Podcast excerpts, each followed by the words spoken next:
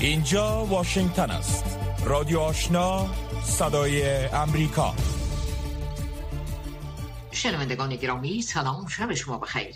و برنامه خبری این ساعت رادیو آشنا خوش آمدید. نسرین محمود عزیزی هستم و با همکارانم این برنامه را پیشکشتان می‌داریم. کشته شدن ایمن الزواهری در کابل آینده افغانستان را چگونه رقم خواهد زد؟ جزیات بیشتر را در این برنامه خبری میشنوید. اما نخواست رویا زمانی با مشروع خبرها. با تقدیم سلام. پس از آن که جو بایدن رئیس جمهوری ایالات متحده اعلام کرد که ایمن الزواهری رهبر القاعده در حمله تیاره بی پیلوت امریکایی در کابل کشته شد حکومت طالبان از حضور و اسکان وی در این شهر اظهار بیخبری کرد. زبی الله مجاهد سخنگوی حکومت طالبان امروز پنجشنبه طی اعلامیه گفته است که امارات اسلامی از آمدن و سکونت ایمن الزواهری در این جا یعنی در کابل هیچ گونه اطلاعی ندارد. رهبری امارات اسلامی افغانستان به های کشفی و استخباراتی دستور داده است که در مورد جنبه های مختلف رویداد متذکره تحقیقات جدی و همه جانبه را انجام دهند. پیش از این طالبان انجام حمله هوایی را در شهر کابل تایید کرده بودند. اما این نخستین موقف رسمی حکومت طالبان در خصوص کشته شدن ایمن الزواهری در کابل است. از سوی هم در اعلامیه طالبان آمده است که از خاک افغانستان به هیچ کشوری به شمول امریکا خطر متوجه نیست و امارات اسلامی خواهان عملی شدن موافقت نامه دو می باشد و نقص این توافقنامه باید پایان بیابد. طالبان گفتند امریکا با حمله بر خاک افغانستان حریم این کشور را نقض کرده و در صورت تکرار چنین رویداد مسئولیت هر گونه عواقب آن به دوش امریکا خواهد بود. رانا سناالله وزیر داخلی پاکستان گفته است که تیاره بی پیلوت امریکایی که ایمن الزواهری رهبر القاعده را در افغانستان هدف قرار داده از حریم هوایی پاکستان استفاده نکرده بود. سناالله این سخن را به تلویزیون جیوی پاکستان ابراز کرده است. او افزوده است که ایمن الزواهری در جایی که قامت داشت هدف قرار گرفته است و این موضوع باید میان امریکا و افغانستان مورد بحث قرار گیرد. رئیس جمهور جو بایدن در سخنرانی تلویزیونی اول ماه آگست اعلام کرد که ایمن الزواهری در حمله تیاره های بی سرنشین امریکا در سی و یکم ماه جولای در یخانه در کابل کشته شد. دیدبان حقوق بشر در تازه ترین گزارش خود گفته است. در صورت عدم رفع محدودیت ها بر سیستم بانکداری و برای فراهم آوری رونق اقتصادی و کمک های بشر دوستانه از ایالات متحده امریکا و دول دیگر به بحران های بشری در افغانستان به شکل معصر رسیدگی نخواهد شد. به گفته جان سفتن رئیس بخش آسیای دیدبان حقوق بشر بحران روزافزون عدم مسئولیت غذایی و عدم دسترسی به خدمات صحی در حالت اضطراری قرار دارد و حل آن در چگونگی سیستم بانکداری ریشه دارد. او گفته است که صرف نظر از وضعیت یا اعتبار طالبان نزد دولت های خارجی محدودیت های اقتصادی بین المللی همچنان عامل فاجعه افغانستان است و به مردم این کشور آسیب می رساند علیرغم اقدامات ایالات متحده امریکا و سایرین برای صدور مجوز به نهادهای بانکی افغانستان. بانک مرکزی افغانستان همچنان قادر به دسترسی به ذخایر ارزی خارجی خود با پرداختی و دریافت اکثر وجوه بین المللی نیست. طبق این گزارش دیدبان حقوق بشر با وصف موجودیت غذا و منابع خوراکی در افغانستان سوی تغذیه ها در سراسر این کشور افزایش یافته است. خبرهای منطقه و جهان را از رادیو آشنا صدای امریکا میشنوید. نانسی پولوسی رئیس مجلس نمایندگان امریکا پس از پایان سفر جنجال برانگیزش به تایوان امروز پنجشنبه به کره جنوبی رفت و با مقام های ارشد آن کشور دیدار کرد. خبرگزاری اسوسییتد پرس گزارش داده است که تنش های منطقه‌ای پس از سفر خانم پلوسی به تایوان که خشم چین را برانگیخت در حال افزایش است و چین بزرگترین مانور نظامی خود را در نزدیکی تایوان آغاز کرده است. رسانه های دولتی چین خبر دادند که اردوی آن کشور تمرینات وسیع دوربرد در تنگه تایوان حوالی یک بجه روز به وقت محلی انجام داده است. بر اساس رسانه های دولتی چین جزئیات بیشتر در این مورد ارائه نشده است. اگر این تمرینات طبق برنامه اعلام شده انجام بیابد به نوع خود این تمرینات به سابقه خواهد بود. ننسی پولوسی بلندترین مقام ایالات متحده می باشد که طی 25 سال اخیر از این جزیره خود مختار بازدید می نماید. یانس سالتنبرگ سرمنشی ملل متحد امروز پنجشنبه گفت که جنگ اوکراین خطرناکترین وضعیت پس از جنگ جهانی دوم در اروپا است و باید به روسیه اجازه پیروزی دادن نشود او وی افزود. برای ممانعت از شکست اوکراین سازمان ناتو و کشورهای عضو باید به حمایت دراز مدت در تمویل تسلیحات به این کشور مساعدت کنند. استلتنبرگ در سخنرانیش در نروژ افزود که این به نفع ماست که اجازه پیروزی به این نوع روی کرد تهاجمی را ندهیم. و افزود اگر رئیس جمهور پوتین به فکر اقدام مشابهی که در کشورهای قلمرو ناتو از جمله جورجیا مالدیو و اوکراین انجام داده باشد ناتو سریعا وارد عمل خواهد شد. پس از آن که گرهارد شوردر صدر سابق آلمان گفت که روسیه خواستار رای حل برای خاتمه جنگ از طریق مذاکره است ولادیمیر زلنسکی رئیس جمهور اوکراین این اظهارات شوردر را زننده خوانده و گفت که شرماور است که مقام های ارشد سابق اروپایی به نفع روسیه کار می کنند شرح بیشتر این موضوع را از عبدالواجد عادل میشنوید. زلنسکی در سخنرانی دیشب خود گفت که روسیه در حال حاضر در پی فعال ساختن نمایندگان سیری است تا به گفته او نظریه های مبنی بر این که دولت تروریستی روسیه ظاهرا خواهان مذاکره است را ارائه کنند. گرهارد شراودر صدر سابق جرمنی که یکی از دوستهای نزدیک ولادیمیر پوتین خوانده می شود گفته است که هفته پیش با رئیس جمهور روسیه در مسکو دیدار کرده است. با گفته رئیس جمهور اوکراین اگر روسیه واقعا خواهان پایان جنگ است نیروهای بیشتری را به جنوب اوکراین نمیفرستاد و گروههای دست جمعی افراد بیگناه را در خاک اوکراین ایجاد نمی‌کرد. روسیه تهاجم گستردهش با اوکراین را در 24 فبروری آغاز کرد. قرار بود مذاکره کنندگان برنامه هسته ایران امروز پنجشنبه دور تازه از دیدارها برای احیای توافق هسته ایران در ویانا را آغاز کنند.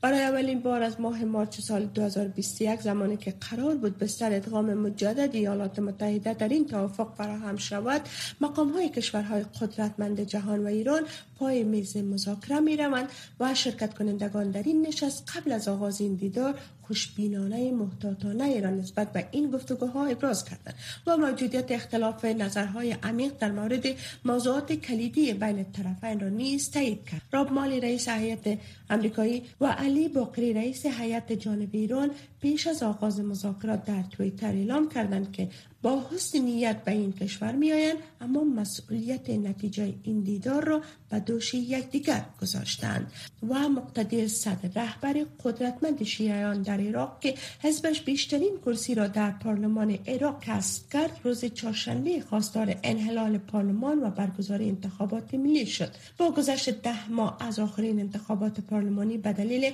اختلافات مکرر بین جناها برای ائتلاف در قدرت این کشور فاقد سیستم حکومتداری از جمله رئیس جمهور و صدر اعظم می باشد در آخرین زد بندهای سیاسی در این کشور قایصد خواهان پروسه انقلابی و مسلمت آمیز شد و بعدا از انحلال پارلمان وی خواستار برگزاری انتخابات دموکراتیک زود هنگام شد.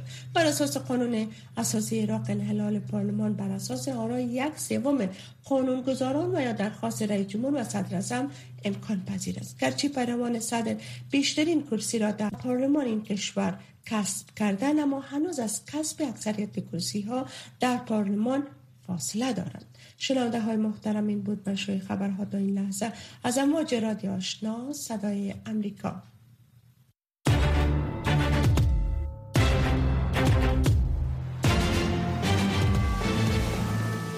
روکو راست.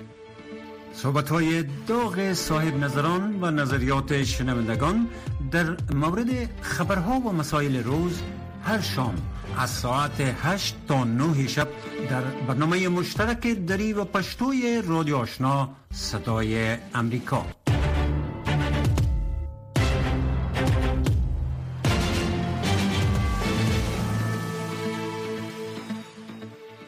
شنوندگان عزیز اخبار افغانستان منطقه و جهان را از رادیو آشنا شنیدید. آن هم توجه نمایید به گزارش هایی که برای شما برگزیده ایم. همانطوری که در آغاز برنامه شنیدید و تعقیب کشته شدن رهبر القاعده در کابل حکومت طالبان می‌گوید که تحقیقات در مورد ادعای ایالات متحده آمریکا مبنی بر کشتن ایمن الزواهری رهبر شبکه القاعده جریان دارد. اکنون پرسش های مطرح شده است که آیا پاکستان مانند گذشته یک بار دیگر در انجام حمله در خاک افغانستان ایالات متحده را کمک کرده است یا خیر؟ در این حال حکومت طالبان در افغانستان حمله امریکا را تقبیح کرده و آن را تخطی از توافقنامه دوها خوانده و گفتند که در مورد اینکه هدف این حمله چی کسی بوده است معلومات ندارند. کشته شدن ایمن الزواهری در کابل آینده افغانستان را چگونه رقم خواهد زد؟ در این مورد توجه نمایید به مصاحبه ای که با دکتر عزیز بارز دیپلمات سابق و رئیس مرکز مطالعات افغانستان و آسیای مرکزی در شهر آکسفورد بریتانیا انجام دادم آقای بارز به نظر شما آیا طالبا شکار کدام بازی استخباراتی شده؟ من فکر می‌کنم که در مورد کشته شدن آقای زواهری سه سناری احتمالی مطرح است که طالبان یا خودشان همکاری کردن با سازمان استخباراتی آمریکا یا سازمان استخباراتی پاکستان معامله را انجام داده یا خودی این سازمان استخباراتی این عملیات را به شکل مستقل انجام داده در هر سه صورتش این عملیات انجام شده و منابع مستقل هم با رفرنس هایی که از سیایی دارن و از منابع محلی تایید می‌کنن. در هر سه صورت من فکر می‌کنم که کشته شدن آقای ایمن زوایری رهبر القاعده در کابل ضربه بسیار مهلک است بر پیکر طالبان. من فکر می‌کنم ضربه بیشتر از یک شکار استخباراتی باید باشه. پس در این صورت کشته شدن ایمن الزواهری در کابل آینده افغانستان چطور رقم خواهد زد؟ خب متاسفانه آینده افغانستان با به یک بحران بسیار عمیق و مزمن گری خورده که بودن نیروهای توریستی مانند القاعده یک گوشه از این بحران هست. همین بحران نیست. اما روی هم رفته ای که رهبر القاعده در کابل کشته میشه و یک فایده کوچکی که من احساس می‌کنم داره همیست که رسانه ها و افکار عامه جهان دوباره توجه می‌کنن که تروریسم و بنیادگرایی داره در افغانستان و حقوق اساسی مردم آسیب میرسانه و احتمال این وجود داره که دوباره اینجا قوت بگیرن و برگردن اهدافی را در کشورهای متفاوت مورد هدف قرار بدن. بحث دیگه که می‌تونه داشته باشه عمری همین بنیادگرایی و گروه های نیابتی را این نوع حوادث کوتاه می‌سازه در انتها به نظر شما پیامدهای مهم کشته شدن ایمن الزواهری توسط امریکا چی خواهد بود؟ خیلی دشوار است که من الان خیلی سریع بتونم صحبت کنم چون هنوز زوایای تاریکی در این قتل مرموز وجود داره که در آغازم بحث کردم اگر طالبان همکاری کرده باشن یک شاخهشان در کشته شدن ایمن زواهری با امریکایا من فکر می‌کنم پروژی که امریکا دارن به نفعشان از به این معنا که یک شاخه مخالف را تضیف می‌کنن با یک کشتن و یک شاخه که با اینا همسو هستن تقویت می‌کنن.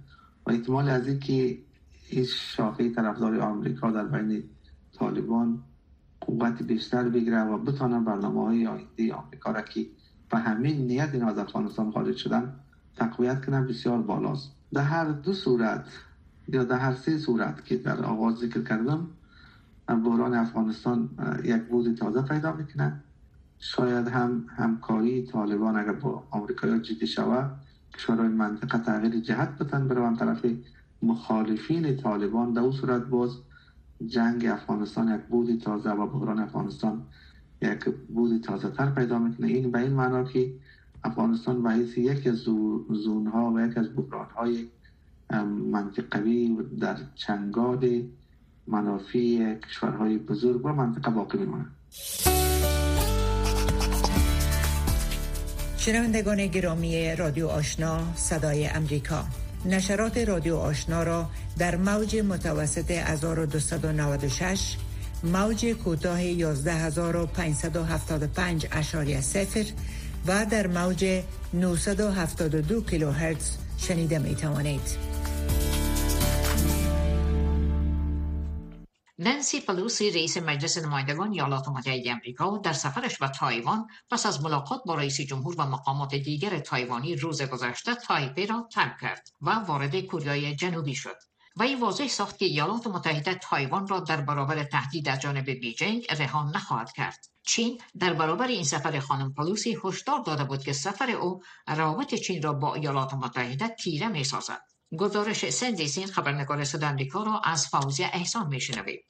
چین با راه اندازی تمرینات نظامی دریایی و هوایی در اطراف تایوان و احضار نیکولاس بارنس سفیر امریکا در چین در برابر سفر نانسی پلوسی واکنش نشان داد. پکن همچنان با نشر ویدیویی از وانگ یی وزیر امور خارجه و مشاور دولتی چین سفر خانم پلوسی را نمایش خنددار و انحرافی خوانده و گفت آنهایی که چین را توهین می کنند مجازات خواهند شد در تلاش برای کاهش تنشها قصر سفید گفته است ایالات متحده امریکا بر سیاست طولانی مدت چین واحد متعهد است که موقف چین را به رسمیت می‌شناسد و در این حال بر روابط غیر رسمی و دفاعی با تایپه اجازه می دهد. کارین ژان پیر سخنگوی کاخ سفید گفت There's no reason for Beijing to turn this visit, uh, uh, you know, which is consistent with our policy, into some sort of crisis. شما می‌دانید که این با پالیسی ما مطابقت دارد. هیچ دلیلی وجود ندارد که این سفر را به چالش کشیده و وارد نوع بحران شوید و یا آن را بهانه و یا پیش زمینه برای افزایش فعالیت‌های تهاجمی نظامی در اطراف تنگه تایوان قرار دهید.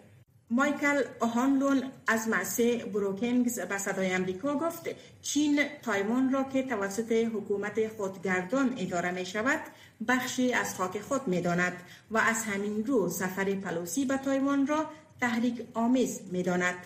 When Taiwan welcomes the Speaker of the House of Representatives, the third ranking American official in the chain of command, then that وقتی رئیس مجلس نمایندگان سومین مقام بلند رتبه امریکا وارد تایوان می شود و مورد استقبال قرار می گیرد برای چین این ذهنیت پیدا می شود که امریکا در پی برقراری روابط دیپلماتیک با تایوان است که البته دلالت بر آن می کند که ایالات متحده با تایوان به عنوان یک کشور رفتار می کند پلوسی با تسای اینگ‌ون رئیس جمهور تایوان در قصر ریاست جمهوری تایوان دیدار کرد و اطمینان داد که ایالات متحده امریکا به تعهداتش در مقابل تایوان پایبند است.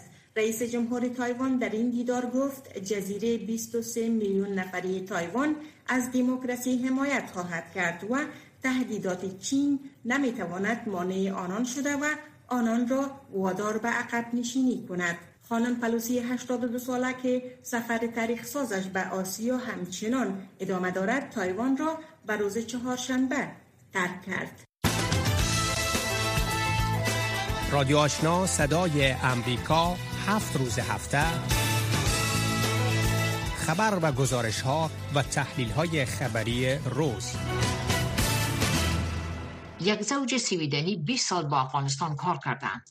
دو همسری که افغانستان را وطن دومشان می‌خوانند و دلتنگ زندگی روستایی در آن کشور شدند این زوج سویدنی از وضعیت پیش آمده در افغانستان اندوهگین هستند و محدودیت های آزادی زنان را در آن کشور به انتقاد می‌گیرند ولی آریان چون این گزارش می‌دهد. شاید بسیاری ها فکر کنند که این خانه یک افغان است. اما نه این خانه مربوط به یک سویدنی است که 20 سال با همسرش یک جا برای افغانستان کار کرده است و چهار سال عمرش را نیز در افغانستان سپری کرده است. از تابلوهای آویزان شده در دیوارها گرفته تا فرشا و گلیمهای منزلشان بیشتر از افغانستان هستند.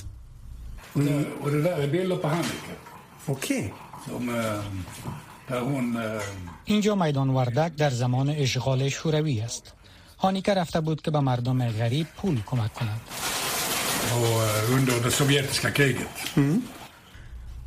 خاطره ای را از همسرش در میدان وردک قسم می کند.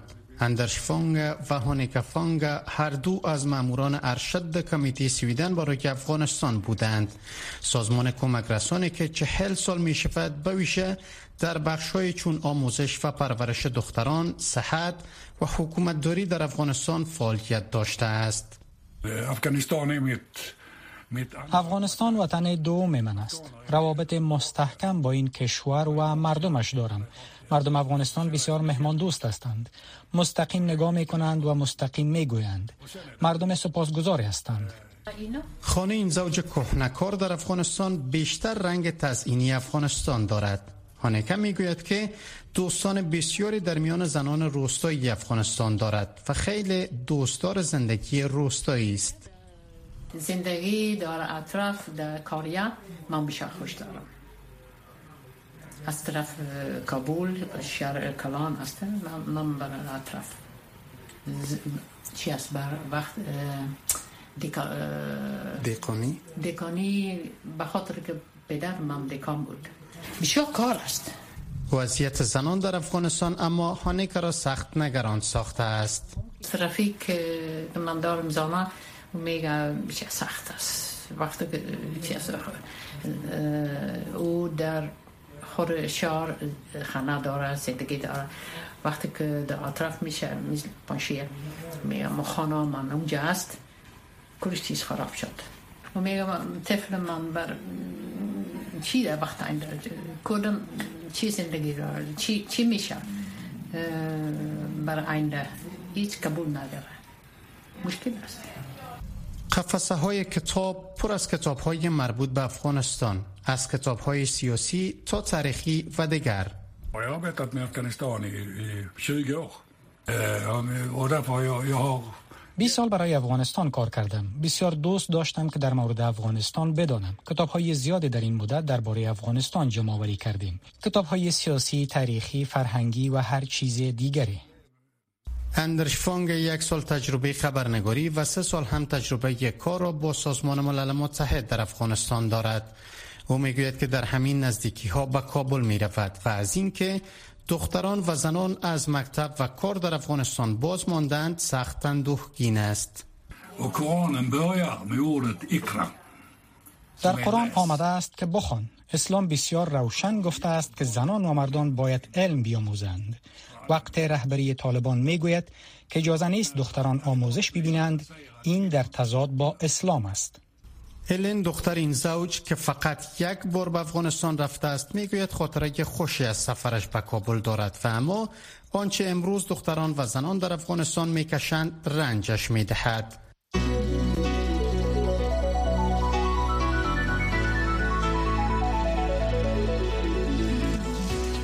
صدای امریکا در فیسبوک. facebook.com slash voa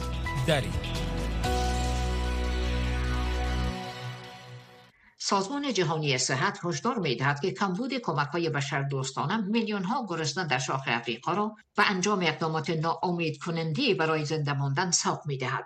لیزا اشلین خبرنگار صدای امریکا از ژنو گزارش دارد که عبدالواجد عادل به توجه میرساند.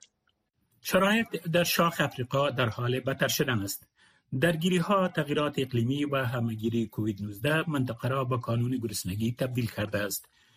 این عواقب فاجعه برای سلامتی و زندگی میلیون ها نفر دارد. یک تحلیل اخیر سازمان ملل از وضعیت غذا در منطقه نشان داد که 37 تا 50 میلیون نفر در مرحله سوم طبقه بندی شده سی قرار دارند. سازمان صحت جهانی توضیح می دهد که سطح نامنی غذایی مردم را مجبور می کند که دارایی های خود را بفروشند تا خود و خانواده هایشان را تغذیه کنند. در آن مرحله از بحران می گوید سوی تغذیه زیاد است و نیاز به درمان تغذیه خاص می باشد.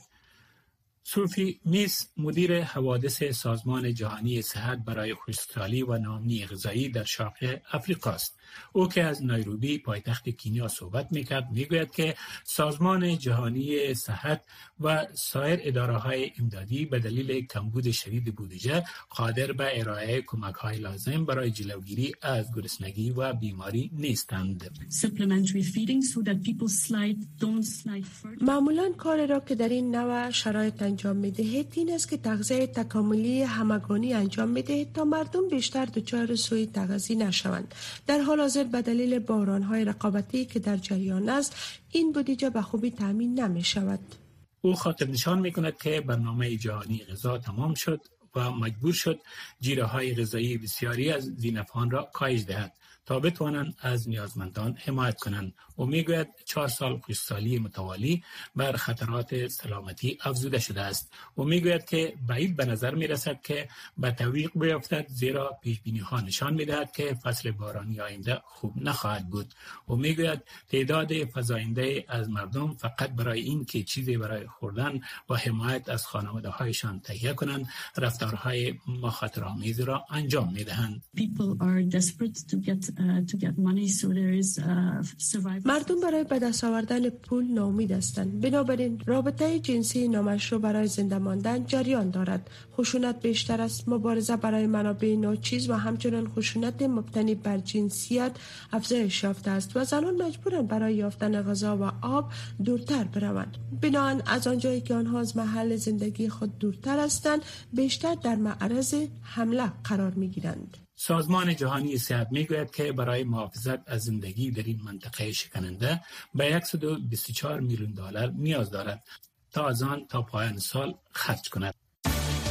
تلویزیون آشنا دریچه شما به سوی جهان نه تنها در صفحه تلویزیون بلکه در صفحه اختصاصی فیسبوک تلویزیون آشنا در وبسایت دری با آدرس voanews.com دری در یوتیوب با آدرس بی او ای افغانستان داری و در صفحه اینترنتی تویتر تلویزیون آشنا در هر زمان و هر مکان پیوند دهنده شما با جهان.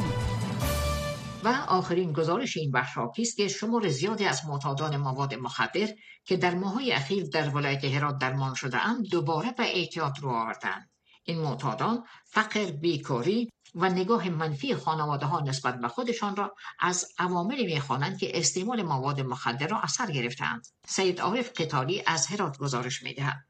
این محل به نام سلطان آقا یاد می شود یکی از مکانهای مزدهم تجمع معتادان در شهر هرات همینجاست. تلاش هر یک این معتادان برای ترک اعتیاد مشابه است.